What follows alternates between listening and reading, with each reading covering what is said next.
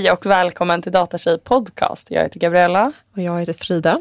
Och idag är temat på avsnittet Microservice Architecture och Serverlessness. Säger man så?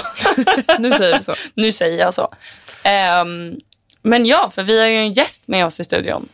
Hej Caroline. Hej. Vill du presentera dig lite? Absolut. Uh, jag heter Caroline och jag är 28 år och uh, jag bor i Göteborg mm. och jag är utvecklare på Polestar. Ja. Vad, vad har du pluggat för någonting för att bli utvecklare på Polestar? ja, uh, så jag pluggade systemvetenskap i Göteborg då. Mm. och det började jag med 2017. Mm. Så det är ett tag sedan nu. Och det är en treårig utbildning eller? Exakt. Nice. Exakt. Det är så en tvärvetenskaplig utbildning mellan liksom, amen, typ IT-management och systemutveckling kan man säga. Mm. Mm. Ja, det finns ju rätt många liksom, olika typer av utbildningar. Mm. Eh, ja, men för jag vet på Stockholms universitet vet jag att de har sådana som är så IT och ekonomi typ och IT och andra ämnen. Att de gör så, ena terminen läser man det ena, andra terminen läser man IT. Precis. Eh, är det ett liknande upplägg liksom, på den du gick? Ja, men precis. Vi, har, vi hade liksom två kurser eh, varje termin. Mm. Eh, och där var det då liksom, ja men, eh, IT-management tema. Mm. Och sen så ibland kunde det vara liksom eh, tema ja, men, transformering eh, av till exempel myndigheter eller mm ja, men mer traditionella eh, organisationer mm. kan man säga. Och mm. liksom, hur man omvandlar ja, men, svåra eh, organisationer till någonting och liksom, eller svåra, men vad ska man säga? hur, implementerar, hur implementerar man system på traditionella tekniker kan man säga. Ah, mm. fattar. Ja, det var ett stort tema. Ja, coolt. Mm. Och vad jobbar du med idag då? Numera så jobbar jag med eh, utveckling av eh, plugins till mm. ett Eh, CMS-system som är då ett content management system. Okay. Eh, och den håller Vad är ett content management system? ja, ja, precis. Ja, men det är ju så text och bilder och allting som har på appar och hemsidor. Mm. Kan man säga. Mm. Så det är där man liksom lägger in informationen som ska in på upp på ens hemsida eller så. Så det är liksom admin-verktyget eller vad man ska säga. Precis. Ja. Eh, det är liksom tänkt som ett system som ska vara liksom headless. Eh, och med headless så menar man att, att man tar bort huvudet eh, från backenden och eh, eh, plattformen kan man säga. Så att man liksom tar bort statiska värden mm. från koden mm. som man normalt hade haft. så man liksom har ja, men ett system som backenden hämtar ifrån. Mm. Och så liksom behöver man inte koda eh, texten, utan mm. det finns ett system istället som man bara hämtar ifrån mm. och presenterar. Och är det då för Polestars hemsidor eller är det för deras för vad finns det här systemet? Mm. Eh, ja, men det är alla hemsidor och eh, appar eh, i bilarna mm. och eh, events. Eh, vad är Polestar? Bra fråga. det är då ett elbilsmärke. Aha. alltså, jag, är, jag har precis börjat övningsköra kan jag säga. Bra. Jag tog körkort förra året. Så ah, det, nice. det, är en uh, speciell grej att ta körkort. Det, mm. det är bra.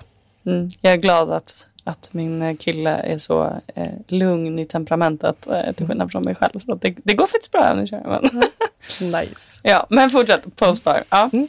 Ja, men så elbilar helt enkelt, mm. eh, som faktiskt grundades i Sverige. Eh, mm. Så det var liksom ett, ett dotterbolag till Volvo från början. Jag tänkte ah, precis säga det, för jag, jag får Volvo-vibbar, men eh, så då är det väl därför. Ja, precis, det stämmer. Men finns det bara i Göteborg eller finns det även här, här borta? Jag har faktiskt sett ett, eh, ett kontor. Det var en kompis ja. som skickade en bild på jag har någon så här, nu ska jag inte, jag tror att vi kanske haft dem som kund på något vänster, men jag är osäker på om det var i Göteborg eller om det var här i Stockholm. Men, mm. men ja, var mer om du visste. Men. Nej, jag har faktiskt dålig koll på ja. vilket kontor som är här i Stockholm. Så. Jag har jättedålig koll på hur stora ni är överhuvudtaget. Eller hur många, har du koll på det? Eller vet du ungefär typ, liksom, hur, många, hur stor är utvecklingsavdelningen? Alltså, vi, vi är jättemånga numera. Eh, jag tror att vi är så... Ja, alltså jag tror jag såg på GitHub att vi har liksom ja, men typ 300 utvecklare. Mm. Åh, Okej, då är det rätt ja. äh, köttigt. Ja, det, det är många. Då håller man ju, det är då det blir på en nivå då man inte har koll på vad Precis. de andra teamen håller på med. Exakt. Men det är lite Ja, men coolt ändå att eh, det finns så många utvecklare Ja, men på verkligen. ett elbilsföretag. Mm. Hur länge har du jobbat på Polestar då? Det är faktiskt tre år och sex månader nu. Aha. Så Kul. det, har hållit i sen ja, men examen egentligen. Jag tänkte precis säga det, om man då räknar med att du började 2017, sa du? Ja, precis, då har du jobbat där sedan du tog examen. Mm, precis, 2020 började jag där. Mm. Hur var det att komma in där som helt nybakad då? Ja, ja, men, eh, jag började på ett eh, företag som heter Sigma Young Talent, Mm. som numera är Nexture Tech Talent. Just det, ett konsultbolag. Exakt. Mm. Men som, Eh, är det fokuserat på nyexade eller? Alltså, för det heter Young Talent. Ja. Precis. Ja. Eh, ja, men exakt det de specialiserar sig på. Ja. Att liksom ta in eh, nyexade och liksom, ja, men ge Mm. dem ett, eh, en plats där man eh, har ett verkligt eh, jobb. Mm. Eh, men man också har liksom, eh, utbildningar och eh, så samtidigt. Mm. Ja, okej. Så jag tycker det var en jättebra övergång eh, Ja. från liksom, plugget till yrkeslivet. Ja. Var det ett sånt kontrakt då som tanken är att man ska börja på det bolaget man hamnar på också? Exakt. Så kallat hyrköp, tror Precis. jag. Mm, Okej, då är jag med. För då, det, finns, det finns många bolag som har det upplägget även, även här. Då. Ja. Jag vet inte om Sigma har just det eller vad de nu kanske blev uppköpta av eller bytte namn till. Mm. Eh, konsultbranschen, FYI, liksom, det är bara ett, eh, en röra av uppköp och eh, initiativ. som folk, ja. Ja. Ehm, ja, men precis. Ja, men coolt. Ja, men det kan jag fatta är en eh, nice övergång. Att man får lite någon att hålla i handen. Ja. Precis. Ja, det, det är ju en speciell sak när man är nyexaminerad och liksom så har suttit med ja, men kanske Java i skolan till exempel. Eller om man har suttit med Flutter eller vad man nu har suttit med. Och liksom, så ska man applicera det på, på verkliga problem. Ja. Från sin så hobbyprojekt kanske man har till Ja. liksom någonting som är verkligt. Så. Ja, men och att man, det tänkte, har jag tänkt mycket på och diskuterat med min syster som blev, eh, gick klart sin YO-utbildning i våras. Eh, att så här, när man sitter i skolan, då alla projekt typ, startar man ju upp från början. Alltså det, är så här, det finns ingenting. Och så startar och så skriver du all kod själv. Men när man börjar jobba, det är ju väldigt sällan som man startar upp någonting från scratch. Liksom. Eh, så att man kommer ju alltid in i en jättestor kodbas och det är en väldigt stor skillnad alltså, som tar ett tag att vänja sig vid att liksom, kunna navigera i, i så stora projekt. Och, liksom. Exakt. Hade ni någon så bra strategi när ni började? Över så, hur ska man göra för att typ, suga åt sig så mycket information som möjligt? Oj, gud, en bra fråga. Alltså jag, tyck, jag tyckte att allting eh, första åren när jag jobbade med utveckling kändes överväldigande. Och sen kändes det successivt mindre och mindre överväl, överväldigande ju fler gånger man liksom fick, fick ett nytt system att sätta sig in i eller fick en ny Ja. teknik eller en ny idé eller en, ett nytt språk för den delen. Ehm, så var det liksom obekvämt varje gång. Eh, men det är ju en skill, det brukar jag säga till mina, nu mina anställda också, de lite mer juniora, att liksom, som kan tycka att så här, de kanske inte är supermotiverade av att sätta sig in i kund X liksom stora system. För att de bara, jag kommer aldrig använda det här igen. Man bara, nej jag vet att du kommer inte använda exakt det, men du kommer ju lära dig den skillen att liksom sätta dig in i något system. Eh, Ja, den kommer gud, du alltid ja. ha med dig. Liksom. Precis. Men, eh, Och att hitta någon slags trygghet i det. Alltså mitt, min, mitt första uppdrag var faktiskt så, jag var också konsult då in i en startup. Så att då fanns det ju ingenting. alltså då, och det kan ju också vara lite läskigt kanske Ja. som ny. Man bara, äh, hur ska jag Ja. göra det här professionellt? ja exakt, men då var det två seniora utvecklare och jag från början och sen kom det in några fler under tiden.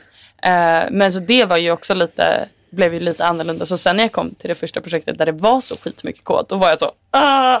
För i, i den startupen så hade jag ju koll på typ allt som byggdes. För att vi var inte så många då i början. Liksom. Eh, men så blev det svårare och svårare. Eh, men nu tror jag, alltså, jag tror framförallt av att många olika konsultuppdrag där jag var tvungen att sätta mig in i kod har gjort att jag hittat någon slags grundtrygghet i, i det. Liksom. Ja, det, det tror jag faktiskt just, ja, på tal om nu var du kanske bara konsult på ett, mm, ett bolag och sen började jobba där. Men eh, det är nog någonting som man faktiskt blir duktig på som konsult kan jag Mm. Tänker jag. Man blir lite härdad med just att ta sig an nya saker och kanske Exakt. byta jobb. Eh, Exakt. Liksom, få något nytt.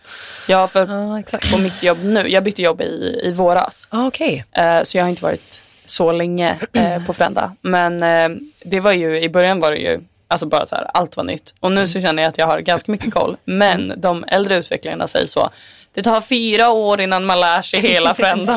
så jag är så, ja. Och så fort det är något nytt så är det ju ofta att det är en del av plattformen som jag aldrig varit och petat i. Liksom. Ja. Så det blir Men alltid det, nytt att sätta sig in. det känner jag också. Jag har liksom varit i samma projekt nu i två år. Men liksom bara det här att man, man glömmer bort saker ibland. Och sen måste man, man måste liksom på något sätt vara nyfiken hela tiden på att veta mer. Ja, Och det tycker jag kan vara lite klurigt. Alltså just det här med, man måste ju vara väldigt självmotiverad som utvecklare. ja. Ehm, har ni någon så bra strategi för att liksom hålla er motiverade eller nyfikna på att lära er mer? Oj. Jag tänkte precis fråga själv, eller bara så här, om, om du hade haft, hade du intresse innan du började plugga för programmering just? Eller var det liksom kom det med utbildningen? Det var faktiskt, eh, jag började ganska sent med det. Alltså, När jag var liksom yngre så älskade jag liksom så här, ja, men, problemlösning. Ja. Eh, liksom I form av spel och ja, men, i skolan och sådär. Men det var liksom först senare som jag förstod att så här, ja, men, problemlösning och programmering, det är ju ganska likt ändå. Ehm, så det var liksom vid senare, senare tid. Men just ehm, att vara nyfiken och vara en problemlösare känns ju definitivt som någonting som en programmerare Ja. måste vara. Och jag tror att man kanske blir, det som du säger, man kanske blir en programmerare av att ha det i sig också. Ja. Eh, just det här problemlösningen. För det är nog det som har motiverat mig också. Och sen började jag mer och mer, nu jobbar jag mer med människor än med teknik. Eh, för att jag insåg nog att jag tyckte att jag blev mer motiverad av att lösa problemen mellan människor. än typ mellan kod, du vet, block. Ja. Liksom. Ehm, jag tyckte det var ganska kul också ett tag. Men sen så bara, nej men det här verkar, just med människorna var det fler som backade ifrån. Eh, liksom som, men så här, folk är lite inbundna, folk vill bara koda, folk vill inte hålla på och projektleda eller lösa problem. Liksom. Men det tyckte jag var väldigt kul. Så då bara, här fanns det plats för mig och bara, wow. Och så vart det att jag gick över på det. Det känns som grymt att bara så, ja men det här är min styrka. Hur lång tid tog det att liksom inse att så här, det här är min grej? Mm, ja, men det tog nog kanske tre, tre och ett halvt år då. Ja, men det var typ då. Sen började jag jobba med ledningsfrågor istället. Så att, ja, någonstans där. Ja. Kan jag känna att man lär sig någonting nytt om sig själv Ja, ibland. Och det tar sin tid. Liksom. ja verkligen. Ja, gud. Jag har ju snarare gått tvärtom. Att jag är så, nej, jag ska bara, jag ska inte jobba med ledningsfrågor. Hur håller du din eh, kodmotivation uppe då? Eller din liksom, Ja, nyfikenhet? ja. Hmm. Kanske Alltså, göra det. Du? förlåt. Nej, säg du. Nej, jag bara lägger orden i munnen på dig. Nej, men kör. Nej, men för mig så är det så här, jag vill typ göra det roligt. Alltså för mig så vill jag verkligen ha så här, ja men ha ett sidoprojekt där jag liksom låter min kreativa sida få sin plats lite. Men också att man har en vilja till att vilja lösa komplexa problem på något sätt. Att man liksom hittar någonting, ett problem som är svårt att förstå och så bara försöker man hitta ledtrådar och så frågar man människor och liksom, jag vet inte, man måste... Ja. ja, alltså jag tror nog just det du säger med att så här, det får inte vara för lätt. Alltså för då tror jag inte, då skulle jag nog byta jobb om det bara var så fixa lite små buggar eller liksom så. Men det får inte heller vara för svårt. Och blir det för svårt då måste man ju ha seniorkompetens som man kan bolla med. Liksom. Mm. Men jag skulle nog säga att det är så att och jag tror att jag tycker det är roligt också när det är ganska stora grejer och att man liksom behöver bryta ner det och att det är liksom problemlösning som inte bara är rent i kod utan också så hur ska jag hantera den här stora grejen som jag ska implementera nu? Hur borde jag strukturera upp de liksom, klasserna och uh, så? Känner du att du vill liksom ha ägandeskap mycket? Alltså inte Har du lite kontrollbehov, Gabriella? Eh, säkert. Men jag tror inte... Alltså, eh, jag tror att det räcker för mig att vara med i dialogen. Jag måste inte vara den som fattar besluten. Men jag tycker att det är intressant och så. Hmm, men blir det här bra? Och liksom... eh, ja, Men jag känner igen det. ja, Och eh, jag håller med. ja. Jag vill gärna känna att liksom, man har en stor leverans. Och att Ja. bara, nu är det liksom ett ansvar här. ja. Och vårt team jobbar alla ihop för att liksom komma till målet. Ja, Och ska vi bryta ner det här i mindre subtasks och sen så ja men precis. liksom, Mm. ja, gör vi en plan kring det. Och, mm, jag känner igen.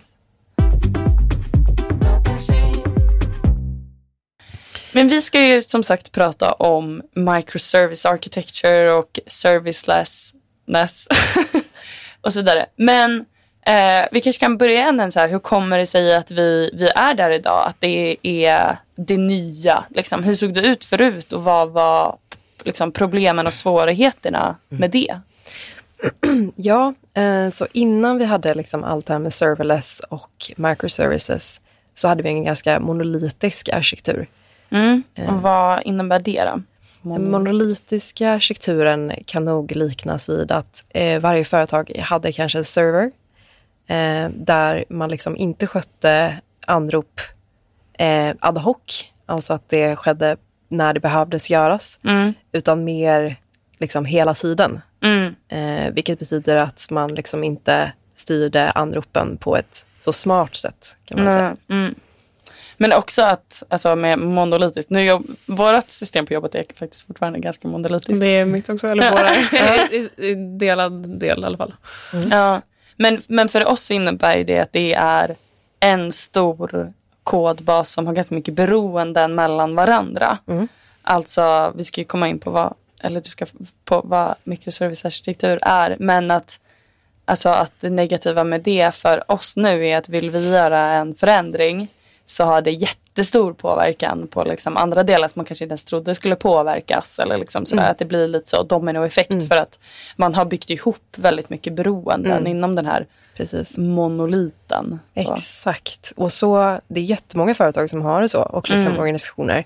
Eh, så det, ni är absolut inte ensamma. Eh, verkligen. Vi börjar Och- bryta upp det faktiskt. Ja, det är bra. Eh, Ja, ja, det- Och med det så behöver man ju också liksom, ja, men, väga fördelar och nackdelar. Mm. Alltså, sådana lösningar kanske inte passar liksom, alla företag och organisationer. Eh, för att man har liksom olika behov. Mm. Eh, Men man kan ju också liksom skräddarsy eh, applikationer och lösningar i liksom det här med om man går över till cloud-plattformar. Då.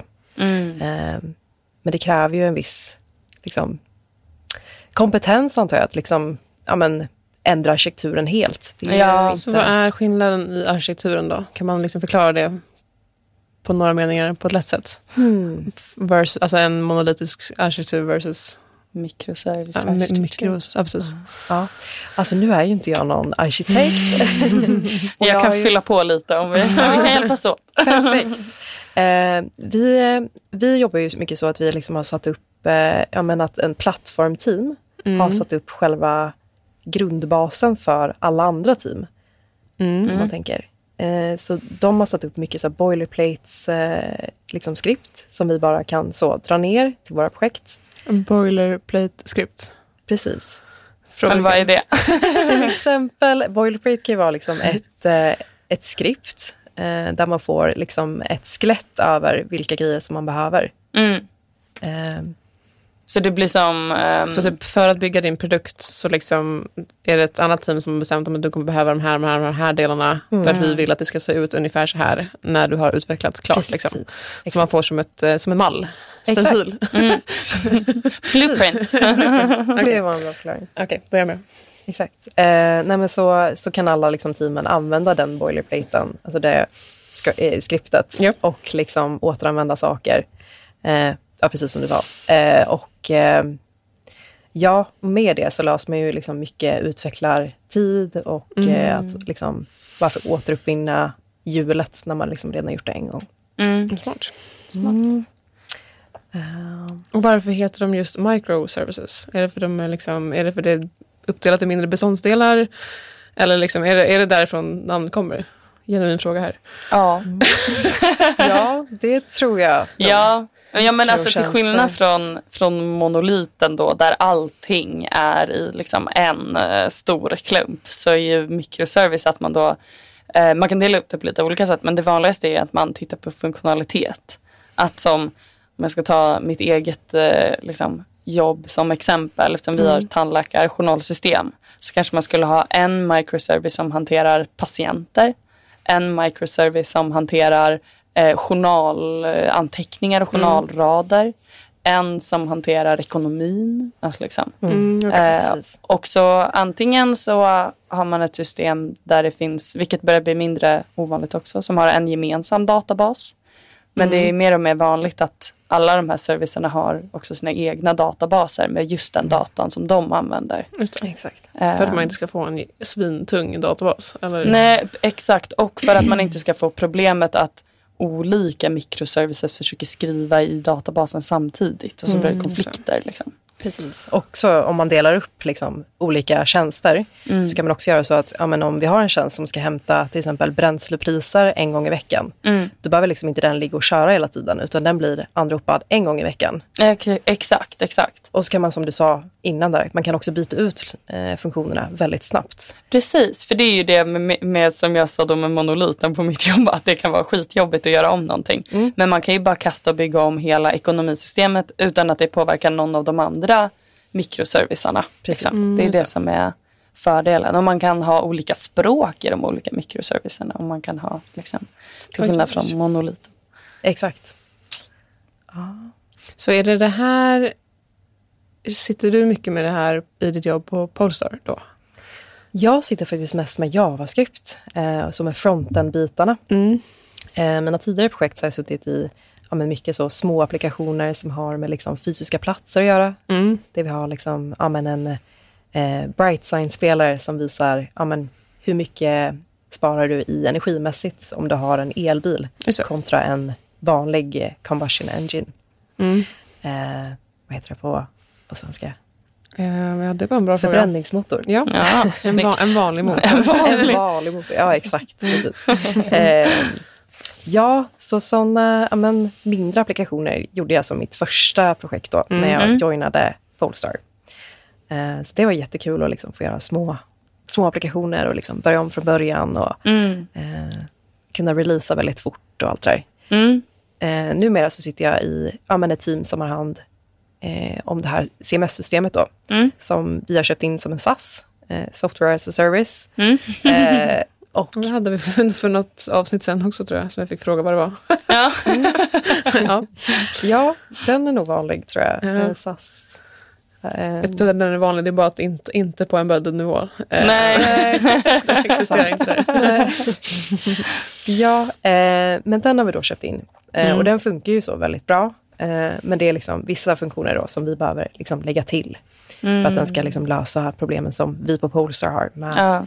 Men typ marknader eh, och översättningar och, och de typerna av grejer. Men det här kanske blir en skitdum fråga, men jag bara försöker koppla tillbaka till microservices. Det, Ni använder av det på Polestar generellt, inte för att du kanske exakt jobbar med det så, men det, det är liksom implementerat, det är er arkitektur. Exakt. Eh, så liksom, vi har olika domäner som Mm. liksom har hand om ja, men, till exempel testkörningar eller vi har eh, eh, ja, men, våra team då som har eh, olika state machines. Mm. Och state machines är ju en grej som eh, AVS eh, då har skapat för att kunna ja, men så skräddarsy olika funktioner eh, och sätta ihop dem. Med till exempel eh, API Gateways, Mm. eh, DynamoDB, S3-or. Nu har jag, jag pluggat lite AVS just för, för ett tag sedan, så att, eller ja, några år sedan.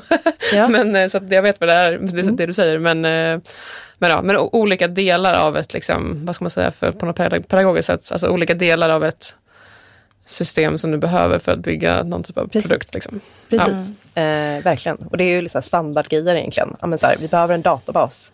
Eh, vi behöver någonting som lagrar våra bilder. Ja. Vi behöver någon form av säkerhet runt våra API eh, som hanterar cores eller som hanterar ja, olika attacker. Och det är AWS väldigt bra på.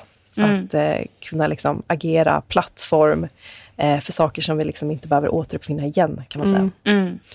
Och är det just AVS ni använder er av också, gissar jag? Ja, Ja.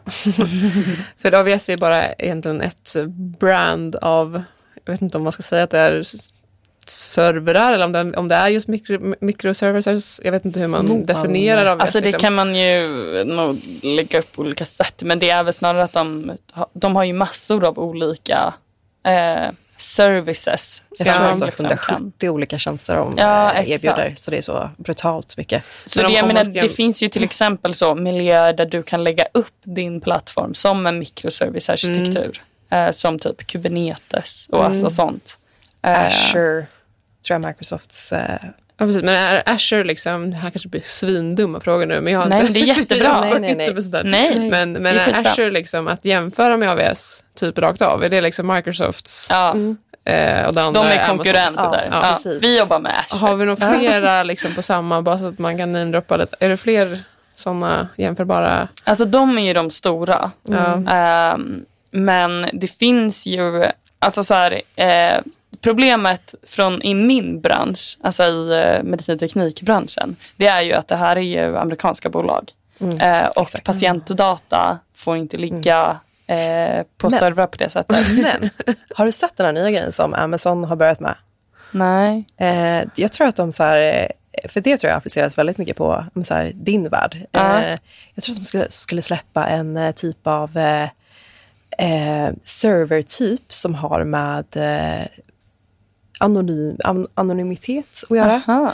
Eh, nu minns jag inte riktigt vad det heter. Okej. Eh, Mm. Men de håller i alla fall på med sån tjänst. Ah, okej. Eh, superspännande om Ja. det skulle kunna funka för liksom, sjukhus. Ja, det vore ju eh, bra. Ja. Men jag menar på grund av det så finns det ju cloud, eh, alltså svenska bolag som har cloudlösningar som man kan använda sig av också. Som, okej. Men de har ju inte samma typ av, eh, alltså det finns ju inte alls lika mycket och då är det mer att du, nej precis, man kan inte få lika mycket out of the box grejer Nej. liksom därifrån.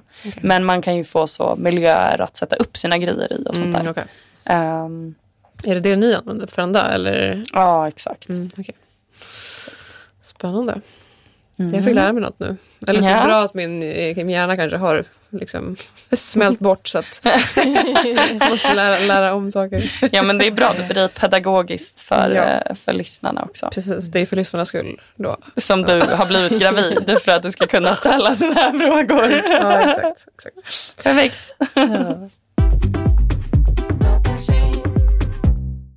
Okej, men vad finns det annars för fördelar med den här typen av arkitektur då? Ja, eh, men till exempel så utifrån ett hållbarhetsperspektiv så har vi ju liksom att vi kan placera dataserver eh, nära där tjänsterna faktiskt finns. Just det.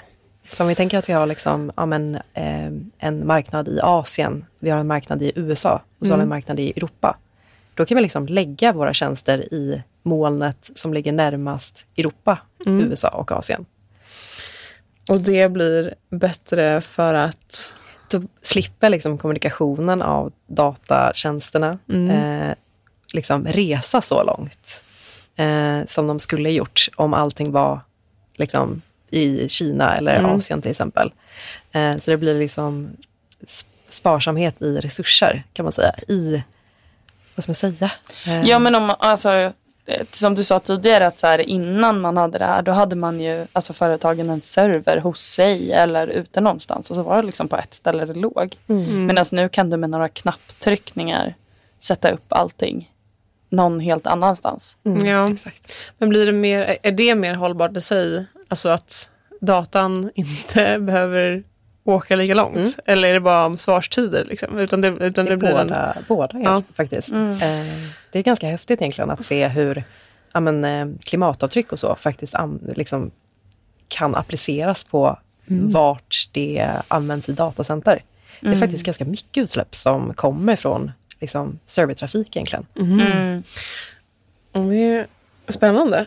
Ja, och likadant också med eh, att liksom vissa regioner, deras elförbrukning eh, sker ju på ett, liksom, ett visst sätt. Mm.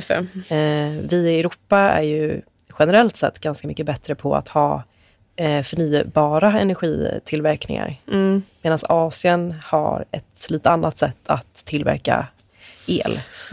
Så det är sånt som var också diplomatiskt. Ja, det är väldigt diplomatiskt. Ja, det, eh, Men det är fint. ja. Förlåt. Eh, nej, men precis. Men kan man då... kan man då välja? Eh, eller liksom väljer man utifrån eh, längd som datan ska färdas? Eller eller sättet som den servern får ström ifrån. Liksom. Kan Ja. Man kan välja efter båda då kanske. Det kan man faktiskt göra. Man kan liksom ha att man väljer Irland. Eh, för att det är någon form av kompromiss. Liksom. Mm. Sen så finns ju EU North. Är Irland finns det väldigt mycket servrar, eller? Eller har jag bara, kan, eller har jag bara fått för mig det?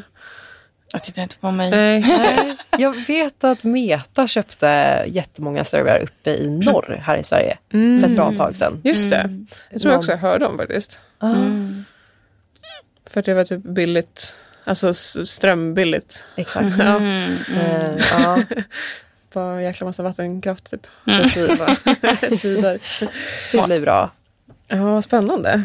Det hade jag faktiskt inte riktigt tänkt på. Alltså jag förstod eh, svarstiden och sånt, men nog mest för att jag gamer lite själv också. Så att man liksom, den, det, det är ju Nice. inpräntat sedan länge. Liksom, att är det, kör du på en server i USA, men då har du si och så mycket ping. Men eh, man tänker kanske inte på att just alla bitarna som ska fara över hela världen också liksom bidrar. Mm. Precis. Coolt.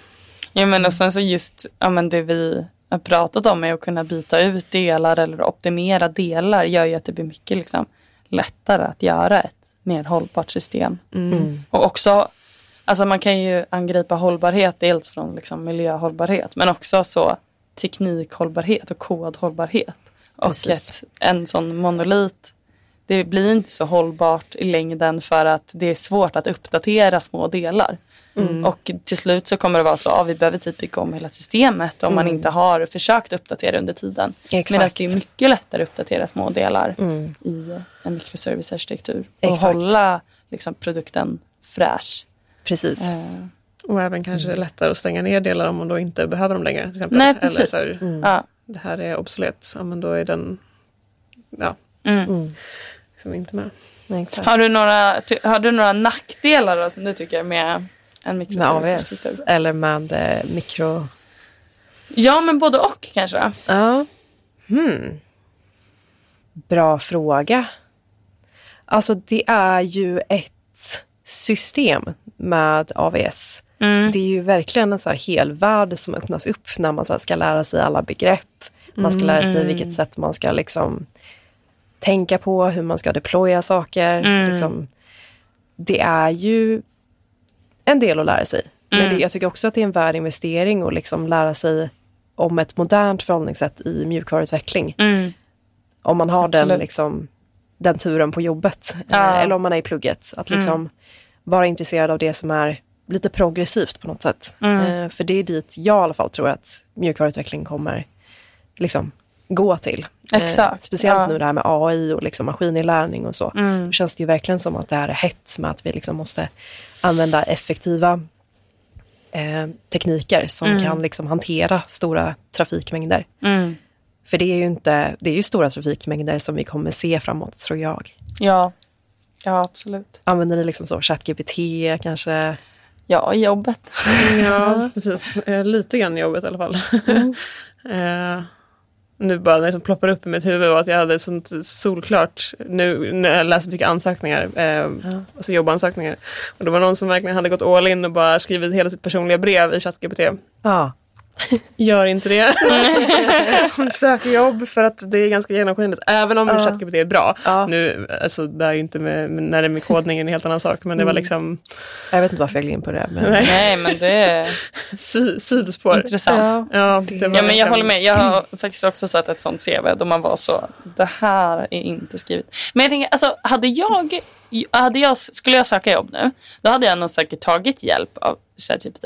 Men jag hade ju varit inte så, eh, skriv det här på bästa sätt eller eh, skriva om min text eller så, Nej, utan jag hade ju gett mycket, alltså, be- eller väldigt tydliga instruktioner. Så här. Jag vill att det ska vara ett, eh, så här, ett professionellt men trevligt språk, inte för avancerat. Alltså liksom, Mm, Ja, anpassat. I det här fallet blev det typ, bara för att så här, jag ska inte, jag, jag är helt okej med att man använder liksom, chattverktyg som hjälp. Men i det här fallet var det typ, ja men jag med min kompetens inom, eller min erfarenhet inom typ matematik och termodynamik eh, har förberett mig för att bli en bra inbyggda systemutvecklare typ. ja. Man bara, Nej.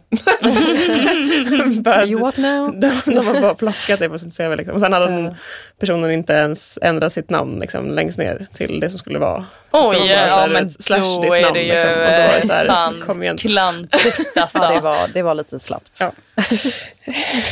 Åh. Men ja, jag, jag kan verkligen din ursprungs... eh, Det du sa från början där att det liksom, jag menar, ja, vi kommer behöva vara flexibla framåt. Ja. Ehm, och speciellt om man ska jobba med Gud, AI, ja. ML. Liksom. Mm. Men det är ju Precis. också, alltså, nu känns det som att du jobbar på en ganska ung och eh, Friskt. frisk och eh, progressiv arbetsplats. Ja, men Ja. exakt. Och där det är mycket som, som är nytt och liksom så. Ja. Eh, men för jag har känt både genom eh, när jag var konsult och eh, nu och även framåt att så här, det är ju en balansgång mellan att så här, lära sig det nya men också typ kunna jobba med det gamla. Ja. För att det är ju många bolag som fortfarande har gamla grejer Ja. och som man kommer behöva typ underhålla som utvecklare. Precis. Och det är fan, eh, ja det är lite kämpigt. Alltså, så här, För att man vill ju såklart bara att Alltså säg nu att det vi liksom tittar lite på på jobbet, att kunna bryta upp den här och göra mer mikroservicearkitektur. Då behöver man ju fortfarande så kunna sätta sig in i koden som den är och bryta isär den och så vidare. Ja, Eh, Så det är ju, ja precis. Gå tillbaka och liksom läsa vad betyder den här delen av koden och vilken exakt. affärsnytta har den. För Ja. att på något sätt så är det ju affärsnytta som kod ska lösa. Exakt. Eh, så det är Och det är definitivt... också det som kommer motivera förändringar på ett bolag. Ja. Alltså, jag menar, typ, förändrar måste ju se en poäng med att göra det. Affärsnyttigheten i det innan det kommer hända överhuvudtaget också. Ja, ja, det är lite sorgligt faktiskt. Att så teknisk skuld inte upprioriteras lite mer. Mm. mm. Det kan vara lite deppigt. Ja, sen samtidigt kanske det finns, jag menar, det finns ju säkert bolag av någon annan storlek eller liksom så, som inte kanske kommer växa eller som inte kommer, ja, jag vet inte, där är det förmodligen är mer effektivt att kanske ha kvar det man har idag, även om det är en monolit, än att byta ut den. För Ja, men alltså det kommer det- vara mer jobb än vad det faktiskt ger. Ja. Liksom. Ja men det är bara att tänka på bankerna som söker och utbildar folk i eh, kobolt. För att de har liksom eh, koboltsystem som ingen kan längre. Nej, det där tycker jag är spännande. Hur de funkar så bra. Med tanke på Ja, alltså jag ska... Jag eh, och min eh, kille var med i en golftävling i somras. Ja. Jag eh, är inte så bra på golf, men min kille är väldigt bra på golf. men vi eh, vad heter det, gick med två eh, ja, men kvinnor som nyss hade gått i pension. och så här, ja, de, sp- de t- åkte runt och tävlade och spelade golf hela tiden. Verkade leva ett drömliv. Det var Gud, vad supertrevligt. Ja. Och sen efteråt så, så här, tog vi en öl, det var liksom sista, så här, det var ganska kallt men det var fortfarande sol. Och var så här, först, eller sista liksom, lite varma höstdagen typ. Eh, och så satt vi och tog en öl efteråt med dem. Och så frågade jag henne, bara, ah, men vad, vad har du jobbat med innan du gick pension? Och då hade hon jobbat som koboltutvecklare. What? Eh, Tills liksom nu. Eller Ja. hon gick i pension då. Ja, Kul. för hon var så, ah, jag jobbade med IT på bank. Och jag bara så här, jaha, men vad för IT på bank? så nu har jag varit så att jag vill försöka hitta henne och bjuda in henne till podden. Gud vad intressant det vore. Det vore spännande. Ja, alltså. För det fascinerar mig Mm. ändå. Hur man så kan, kan sånt. Ja, Låg exakt. nivåspråk. Ja. Ja. För det är ju inte så att man kan googla fram, alltså så legacy, liksom, eller kan man det? Jag vet inte, kan aldrig man- testat. Kan man fråga Nej, ChatGPT? Vad, vad gör mitt system? Man inte på Google. Ja, men vi får bjuda in, eh, försöka det hitta hade henne och bjuda eh, in henne och fråga. En bra liksom, eh, vad ska man säga, komplement till det här avsnittet. Ja, exakt. Och en sån Ja. historiebeskrivning Old school. hur det har varit. Ja, det spännande. Sånt. Men vi har ju sagt lite olika tips till liksom, eh, ja, studenter eller som pluggar nu eh, när de ska ge sig ut i arbetslivet. Ja, men det här med att eh, om man sätter sig in i den nya tekniken och även i början pratade vi om att vara nyfiken. Har vi Precis. några mer tips till de som pluggar? Vad man kan, hur blir man en bra utvecklare? Ja. Men jag skulle köra hårt på att bara så, men, eh, pusha din kod till GitHub och liksom gör liksom, en portfolio eh, av liksom, alla dina sidoprojekt som du har. Och liksom öppna upp för liksom, feedback och liksom, eh, vara nyfiken på vad andra gör och Mm. be om hjälp. Eh, googla runt, var lite nyfiken och våga göra fel. Ja. Det tycker jag är viktigt. Mm. Att inte vara rädd för att känna sig lite dum bara. För det, Ja. det gör man om man är nybörjare på allt. Ja men gud. Och där är också mycket, tänker jag, att vara på en arbetsplats där man får vara lite dum och man får vara nybörjare. Och man liksom, det är väldigt en accepterande miljö för det. Precis. Och känner man att det inte är det, då är ju vi i den, en sån bransch då man bara kan hitta sig ett nytt jobb. Alltså det är ju, Exakt. man är ju väldigt eftertraktad. Liksom. Det får man faktiskt skatta sig lycklig Ja. Att man kan. Ja. Och sen är det kanske svårt precis när man är nyexad. Men har man fått, liksom, bara man har ett års erfarenhet så gör det ganska stor skillnad när man ger sig Mm. ut och söker jobb. Liksom. Det tycker jag också. Mm. Och liksom omge sig själv med personer som någonstans gillar att hjälpa. Mm. Eh, och som man liksom kan liksom fråga och Mm. bara kolla på hur den gör. Och liksom härma efter lite vad den, eh, hur den löser problem. Mm. Men så här, våga ställa dumma frågor. Det finns liksom inga dumma frågor ens. Mm. Och, Men, och våga testa sina egna idéer ja, på de personerna. Bara så här, jag har den här idén om jag kan göra så här. Vad tror du om det? exakt. Har du någon... Jag, eh, bara, jag, jag tar in allting här. chefen, Eh, vad har du för tips? Nej men det var, det var bra tips. Alltså jag brukar också i, om man ska säga typ coachanden i liksom yngre förmågor. Så absolut, nyfikenheten är ju där som vi har haft lite som tema här känns som idag. Mm. Vi började ju i den änden. Ehm, det är ju jätte, jätteviktigt.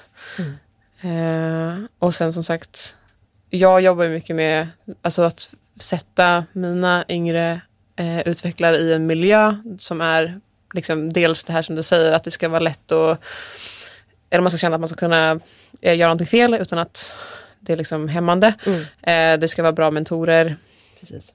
eh, och liksom allmänt helst alla de här och plus att själva teamet de sitter i är välfungerande och liksom, ja, men det finns en bra kodgranskningskultur, det finns bra feedback, liksom, Mm, loopar. mm, Eh, Exakt. Dokumentation, exakt. ehm, Mm. liksom, kommentarer i koden. Mm. Det är liksom, har jag glömt bort jättelänge. Ja. Tills det kommer in en ny i team och så är jättebra på att dokumentera och Ja. skriva kommentarer. Blir man Ja. inspirerad. Just det, det här måste man ju börja med igen. Ja. Ja, Det, mm, Men det är väl, ja, men det är väl så också, som, precis som eh, Gabriella säger, att ehm, liksom, ja, men, kanske, om du är konsult, då kanske man har möjlighet att liksom, faktiskt få byta till ett uppdrag där det känns mer så. Eh, Mm. Alltså man har bättre förutsättningar om man nu Mm. inte får det från början. mm, Men annars så sitter man på ett företag där man liksom inte får de förutsättningarna och inte heller känner att man kan ändra på dem. mm, Då kanske det är dags att i alla fall kolla på andra möjligheter. Mm. För att det är viktigt, det är ju speciellt i början. Liksom. Man Mm. ska ha någorlunda förutsättningar för att lära sig. Det tycker jag definitivt. Ja, Sen är det verkligen. jobbigt i början. Ja, det är Eh, jobbigt precis. som och det är kanske inte alla arbetsplatser eller uppdrag som blir perfekta. Liksom. Man kanske inte får alla, alla check i alla boxar. Men Mm. eh, att man ändå känner att man har några stycken att liksom, Mm. gå på. Exakt. Då är man en erfarenhet rikare, om Mm, inte precis. annat. Exakt. Ja, men precis. Ja, men toppen. Tack för att du kom hit. Tack för att jag fick komma. Så trevligt och härligt eh, Tack för att jag avsnitt. fick ställa alla dumma frågor Ja. som inte var dumma. Nej. Tyckte det var jättebra frågor. Ja, verkligen. Ja, verkligen. Det, det är ju skönt att, eh, alltså, när, när eh, man känner att man kan förklara också. Ja. Att det är så, så här, det är ju jättehärligt att få sitta och känna sig lite kunnig. Ja, precis. Ja, men och jag ska dra den här eh, att vi vill tacka Tom Gorren för eh, Ja. intro till podden och Sonica Studio för att vi spela in här. Och så eh, är man kvinna eller icke-binär och inte är medlem i Datatjej så får man gå in på datatjej.se och bli medlem. Eh, och man kan följa Datatjej på LinkedIn, Facebook, Instagram, TikTok. Eh, Häng med på konferensen också. ja, Eh, vi är ju eh, igång med planerandet. Eh, den händer Ja. ju i Göteborg nästa år. ja, Eh, så det vore jättekul att Ja. eh, få med eh, många tjejer till det. Mm. Eh, vi kör ju eh, tema Level Up, Empower your IT Journey. ja. Där Ja, man får skynda sig in. Förra avsnittet som släpptes innan det här var eh, Datortjej, eller om det är för förra, Mm. men är eh, som handlar om datortjej. Mm. Eh, så om man inte lyssnar på det kan man lyssna tillbaka för att få höra mer om konferensen. Mm. Eh, men jag tror också att man verkligen borde skynda sig in på typ Datortjejs Instagram om man vill hinna knipa en biljett. För Ja. det kan vara så att det är lite tajt om tid när avsnittet släpps. Men, Ja, för sig. eh, men förhoppningsvis kanske inte Ja. har stängt. Ja men kul. Tack